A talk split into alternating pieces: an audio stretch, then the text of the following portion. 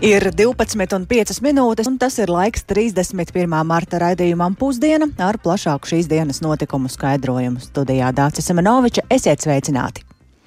Daugavas palu ūdeņi turpina celties un aplūdināt teritorijas augšdaugavas novadā, un tikko arī saņemta informācija no Latvijas valsts ceļiem, ka ir aplūdis autoceļš pie dabas lieguma Dvietas Dumbrāji proti Jēkabils Dignāja ilūksta, kas vēl no rīta bija norādīts kā viens no apbraucamajiem ceļiem aplūdušā autoceļa Bebrene Zāriņa Dvieta dēļ, un šobrīd apbraukšana ir iespējama pa autoceļu ilūksta Bebrene Birži. Taču aplūst ne tikai ceļi, un šāda strauja ūdens līmeņa paaugstināšanās upēs ir draudz cilvēku drošībai, tāpat arī tas apdraud saimniecisko darbību un infrastruktūru. Pašvaldība līdz ar to ir aicinājusi valdību izsludināt ārkārtējo situāciju vairākos pagastos apstākļos. Un, lai apzinātu to, cik nopietni ir situācija pat laban, šodien arī sasauca Daugopils sadarbības teritoriju civilās aizsardzības komisijas sēdi, un tai sekoja līdzi arī kolēģe Silvija Smagare. Ar viņu esam šobrīd sazinājušies. Sveika, Silvija! Tev noteikti ir pati jaunākā informācija. Kas tev zināms un vai sēde ir beigusies? Jā, sveicināti dati, sveicināti radioklausītāji.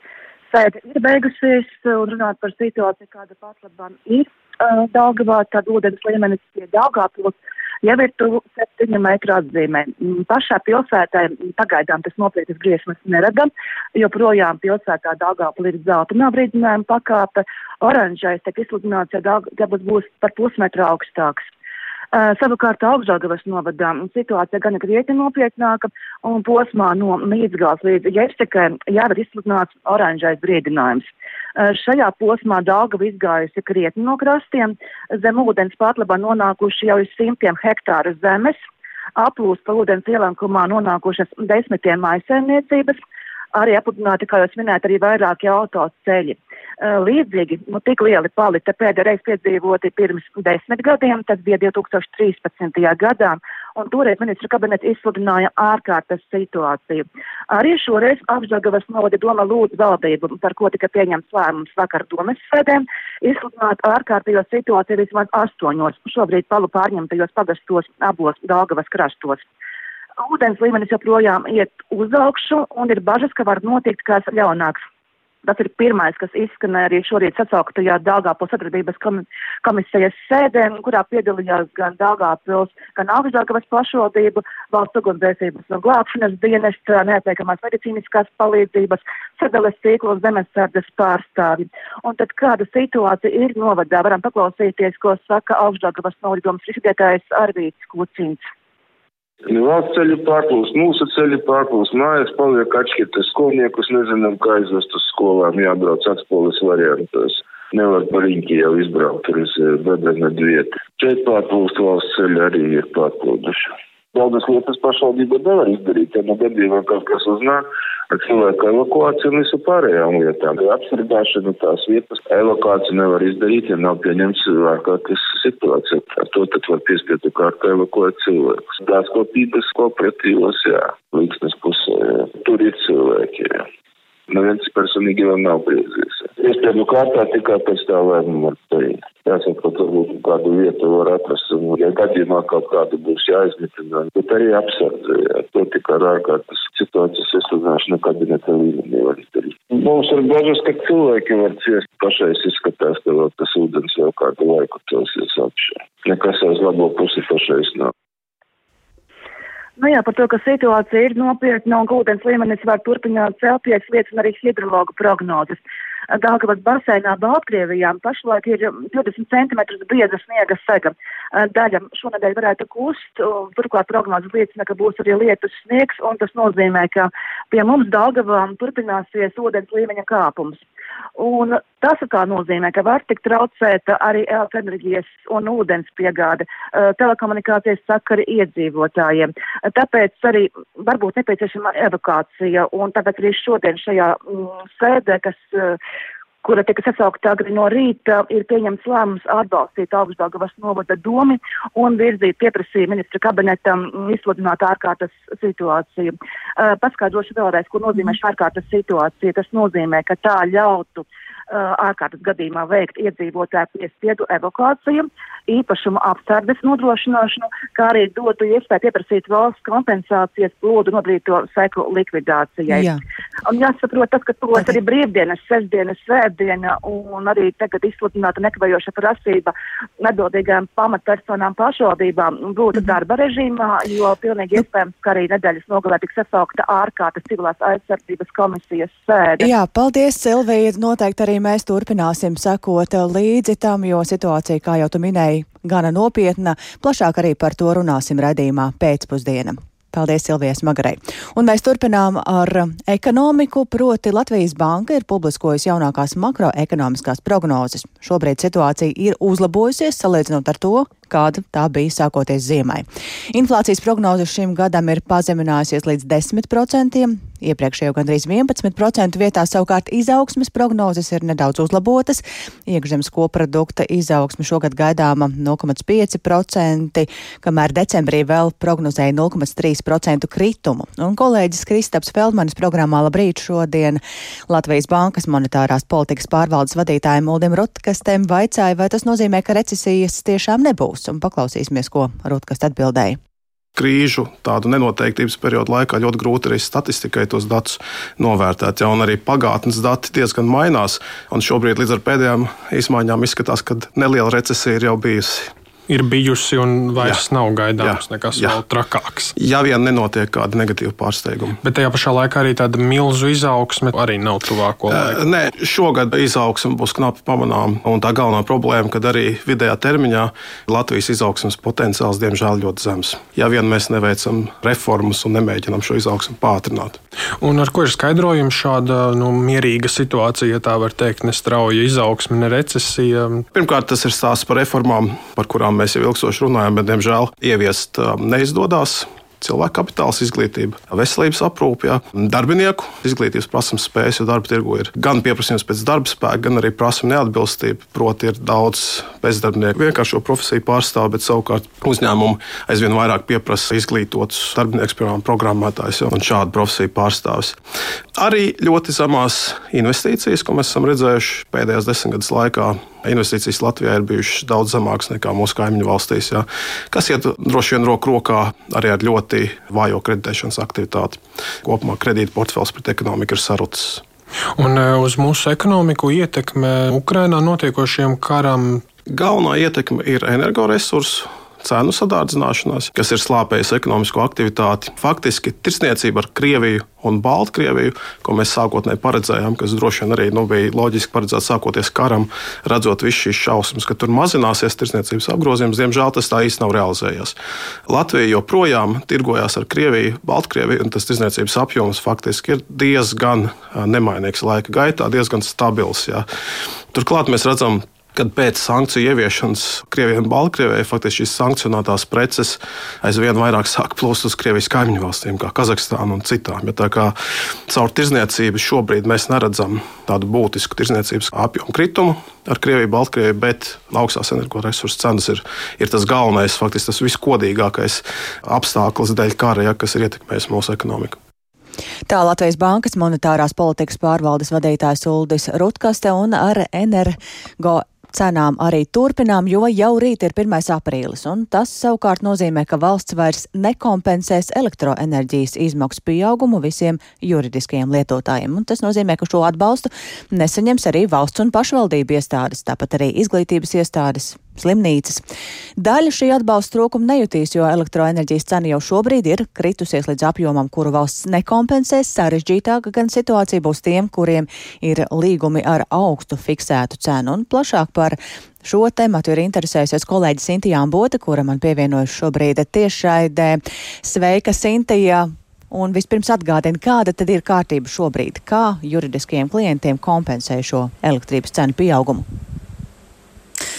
Nu jā, tātad eh, no oktobra līdz šim brīdim elektroenerģijas izmaksu pieauguma kompensācijas mehānisms juridiskiem lietotājiem paredzēja, ka atbalstu valsts izmaksā 50% apmērā tieši virs cenas 160 eiro par vienu megawatu stundu, jo tātad bērnu cena krietni svārstījās un brīžiem bija arī pieckārt lielāka nekā 21.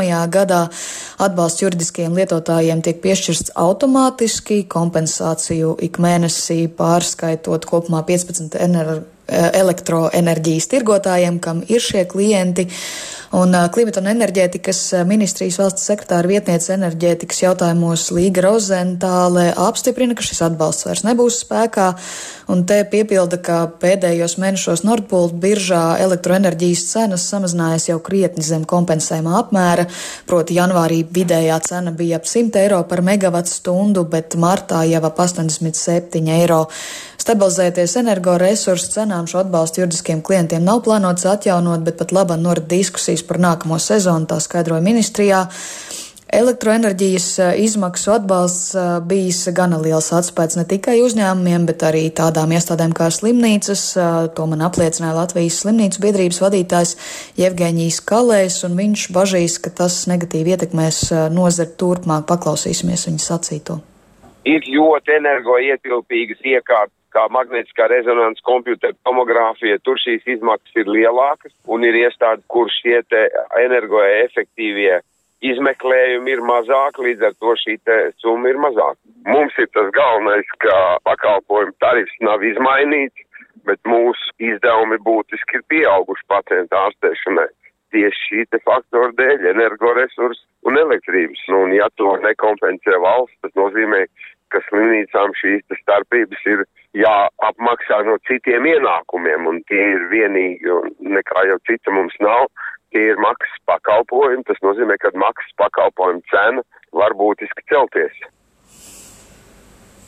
Nu jā, un te savukārt Latvijas elektroenerģētiķu un energobūvnieku asociācijas izpildirektors Gunārs Valdmanis vērtē, ka tie juridiskie klienti, kas pat labam noslēguši līgumus par cenas piesaisti vairumu tirdzniecības cenai, tiem jau šobrīd elektroenerģijas izmaksas ir nokritušās pirmskara līmenī un valsts kompensāciju tie jau vairs nesaņem šajos pirmajos gada mēnešos. Taču sarežģītāka situācija tiešām ir tiem, kam līgums slēgti neizdevīgajā laikā ar fiksētu cenu. Tātad tagad šiem juridiskajiem lietotājiem būs jāmaksā šie rēķini jau bez atbalsta daļas. Valdmanis gan arī vērs uzmanību, ka katrs klients šos līgumus var pārskatīt. Klimata un enerģētikas ministrijas aprēķina liecina, ka pērn rudens periodā šajās elektroenerģijas izmaksu pieauguma kompensācijās valsts izmaksājas 24 miljonus eiro, bet šī gada sākumā izmaksāt jau 40 20 miljoni, kas tad liek secināt, ka vēl ir gana daudz to juridisko klientu, kas pat labāk maksā augstāku cenu par vairumtirdzniecībā esošo. Tāds ir. Paldies eh, Sintījai Ambotai par šo skaidrojumu. Un mēs turpinām ar tēmatu par to, ka pavisam drīz Somija kļūs par NATO 31. dalībvalstu, jo Turcijas parlaments beidzot ir ratificējis Somijas pieteikumu dalībai pasaulē spēcīgākajā militārajā aliansē. Un tā ir laba ziņa Latvijai un arī visam Baltijas jūras reģionam, jo Somija sniegs būtisku pienesumu alianses stiprināšanā. To uzsver gan politiķi, gan arī eksperti un vairāk stāsta Uldis Tiesberis. Turcijas parlaments vakar īsi pirms pusnakts apstiprināja Somijas iesniegumu dalībai NATO. Parlamenta vicespīkers Haidars Akars paziņoja, ka atbalsts ir bijis vienbalsīgs. Oy sayısı 276, kabul 276. Nodotas 276 balsis. Par nobalsojuši 276 deputāti. Turcijas parlamenta vārdā vēlos apsveikt Somiju un Somijas iedzīvotājus. Dokuments vēl būs jāparaksta Turcijas prezidentam Reģipam Taipam Erdoganam, kurš iepriekš publiski ir atbalstījis Somijas uzņemšanu Ziemeļatlantijas aliansē. Līdz ar Turcijas parlamenta balsojumu visas 30 NATO dalībvalstis ir ratificējušas Somijas pieteikumu. Somijas prezidents Sauli Nīniste pateicās visām NATO dalībvalstīm par uzticību un atbalstu un uzsvēra, ka Somija būs spēcīga un spējīga sabiedrotā, kas rūpēsies par alianses kopējo drošību, bet Somijas premjerministre Sanna Marina uzsvēra, ka viņas valsts pēc iestāšanās NATO būs ne tikai drošības saņēmēja, bet arī tās sniedzēja. NATO ģenerālsekretārs Jens Stoltenbergs paziņoja, ka Somija padarīs NATO ģimeni spēcīgāku un drošāku, bet Igaunijas premjerministre Kaja Kallasa paziņoja, ka Somijas pievienojums pievienošanās NATO būs vēsturisks brīdis Baltijas jūras reģionam un visai aliansei. Arī Latvijas ministru prezidents Krišjānis Kariņš uzskata, ka Somijas pievienošanās stiprinās drošību un aizsardzības spējas NATO ziemeļu flangā. Un tie nav tikai tukši vārdi, jo Somijas rīcībā ir ļoti spēcīgi un labi apbruņoti aizsardzības spēki, ko veido aptuveni 280 tūkstoši karavīru un vēl 600 tūkstoši rezervistu. Latvijas transatlantiskās organizācijas ģenerālsekretāre Sigita Struberga sarunā ar Latvijas radio sacīja, ka Somijas un vēlāk arī Zviedrijas pievienošanās NATO sekmēs alianses aizsardzības spējas tieši Baltijas jūrā. Baltijas jūras reģions sastopas ar zināmiem izaicinājumiem, kas ir saistīti ar Krievijas klātbūtni un spēju pārvietoties pa jūru. Un te, protams, tad kopējo atbilžu risinājumu, kopējā ne tikai, teiksim, pretgaisa aizsardzība, par ko mēs diezgan daudz runājam, bet arī jūras aizsardzība ir ārkārtīgi svarīga, jo, ja mēs atcerēsimies konflikta sākumu, tad faktiski Baltijas jūra ir viens no tiem, kas tika atzīmēts kā mūsu vājais punkts. Un šeit, protams, ka šī tālākā drošības drošības stiprināšana, tā skaitā caur jaunām dalībvalstīm, ir eh, arī pašam NATO nepieciešama. Somija un arī Zviedrija nolēma pievienoties NATO pērn pēc Krievijas pilna apmēra iebrukuma Ukrainā. Līdz ar to abas Ziemeļvalstis mainīja gadu desmitiem piekopto politiku, nepievienoties kādām militārām aliansēm. Zviedrijas pieteikumu dalībai NATO līdz šim ir apstiprinājušas 28 dalībvalstis, bet to nav izdarījusi Ungārija un Turcija. Galvenais šķērslis Zviedrijas ceļā ir Turcija, kas ir apsūdzējusi Zviedriju par patvēruma došanu personām, kuras Turcijā tiek turētas aizdomās par terorismu atbalstīšanu. Pagaidām ir iestrēgušas arī Zviedrijas un Turcijas sarunas pēc tam, kad šī gada sākumā Stokholmā pie Turcijas vēstījuma vēstniecības notika protesti, kuru laikā dedzināja musulmaņu svētos rakstus Korānu un arī Lelli, kas atgādināja Turcijas prezidentu Erdoganu. Uldis Česberis, Latvijas radio. Trumps apsūdzēts šāds un līdzīgi lieli virsraksti šodien lasām Amerikas Savienoto Valstu medijos. Un Trumps ir kļuvis par pirmo bijušo ASV prezidentu, kas apsūdzēts krimināla noziegumā par maksājumiem, kas esot veikti kādai porno aktrisei un vairāk, stāsta Rihards Plūme. Kā vēsta Savienoto valstu mediji, atsaucoties uz vairākiem ar izmeklēšanu informētiem avotiem, Donalda Trumpa apsūdzība krimināla noziegumā, kas aizzīmogotā veidā iesniegta Manhetenas apgabala prokuratūrai, domājams oficiāli tiks paziņota tuvāko dienu laikā. Zvērinātie izmeklēšanas laikā kopš janvāra uzklausījuši vairākus lieciniekus, tostarp Trumpa bijušo personīgo advokātu Maiklu Koenu. Viņš ir atzinies klusēšanas naudas maksāšanā Stormijai Danielsai tiesai, un 2018. gadā viņam par vairākiem noziegumiem tika piespriesti trīs gadi cietumā. Manhetenas apgabala prokurora Elvina Brega birojs ir sazinājies ar Trumpa advokātiem, lai koordinētu viņa padošanos Ņujorkas varas iestādēm apsūdzību nolasīšanai klātienē. Bijušais prezidents, kurš uzstāja, ka ir pilnībā bez vainas, var arī atteikties ierasties Ņujorkā. Tādā gadījumā varas iestādēm būtu viņš jāaiztur Floridas rezidencē, kur viņš dzīvo pēc prezidenta amata termiņa beigām 2021. gadā. Tiek pieļauts, ka Trumps varētu izvairīties no došanās uz tiesu un vēlas sarīkot izrādi, panākot, lai slepenā dienesta pārstāvji ierodas viņa Floridas štata rezidencē, aiztur viņu un roku dzelžos nogādā tiesā Ņujorkā. Savu atbalstītāju uzkurināšana un izvešana ielās varētu būt tieši tas, ko Trumps vēlas. Pie Manhetenas tiesas nama, kur gaidāma pirmā Trumpa stāšanās tiesneša priekšā, jau ieviesti papildu drošības pasākumi. Tikmēr Floridas gubernators Rons DeSantis, kurš ir iespējamais Trumpa sāncensis cīņā par republikāņu nomināciju startam nākamā gada prezidenta vēlēšanās, paziņojis, ka štāts nepalīdzēs Ņujorkas pavalstī bijušā prezidenta izdošanas prasības gadījumā.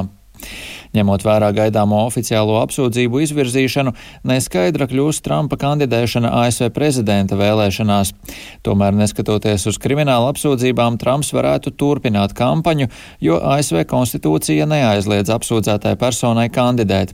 Notiesāšanas gadījumā gan varētu būt ierobežojumi ieņemt augstāko amatu valstī. Tāpat ASV konstitūcijas 14. grozījums aizliedz vēlētā amatā būt personai, kas bijusi iesaistīta dumpī vai nemieros. Un tieši tagad īpaša padome turpina izskatīt Trumpa iesaisti uzbrukumā kongresam. Tādēļ bijušajam prezidentam arī šajā lietā var draudēt apsūdzības.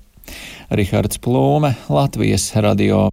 Mūsu nākamais stāsts ir par Valmieras novadu, kur spriež par padomu laika ielu nosaukumu maiņu. Par kādām ielām galvenās diskusijas un kas tagad jāvērtē īpašai ekspertu komisijai, to skaidroja Gunta Matisone. Tagad mēs piestāsim pie vienas no ielām, kas ir Pleskavas iela, maziņa ieliņa pie stācijas. Tā ir viena no ielām, kas bija uz diskusiju. Ar vēsturnieku Valmijas novada ielu nosaukumu izvērtēšanas darba grupas vadītāju Gatu Krūmiņu sarunu esam nolēmuši veidot kā mazu ekskursiju Valmijas ielās. Un pirmā tā tad ir Pleskavas iela. Tas pirmais mēs skatāmies, nu, kurā brīdī Valmjerā parādījās šī Pleskavas iela. Un, e, mēs secinājām, ka tas jau ir 20. un 30. gadi, tātad Latvijas republikas laiks, un tas ir visciešākā veidā saistīts ar šo ceļa virzienu uz Pleskavu no dzelzceļa stācijas. Tāpēc tā mūsu šī brīža rekomendācija ir atstāt šo ielu nosaukumu, jo tas nav mainīts vai uzspiests PSRS okupācijas periodā. Tā kā šī iela ir bijusi jau vēsturiski Pleskavas iela, tad nosaukums nemainīsies. Tieši tas, ka iela nosaukuma maiņai ir jābūt vēsturiski izvērtētai un pamatotai, tad arī ir bijis pamatā, kā stāsta novadomas priekšādātāja vietnieks Ričards Gailums darba grupas izveidēji. Darba grupas vadībā ir trīs zinātņu doktori plus mūsu muzeja vadītāji.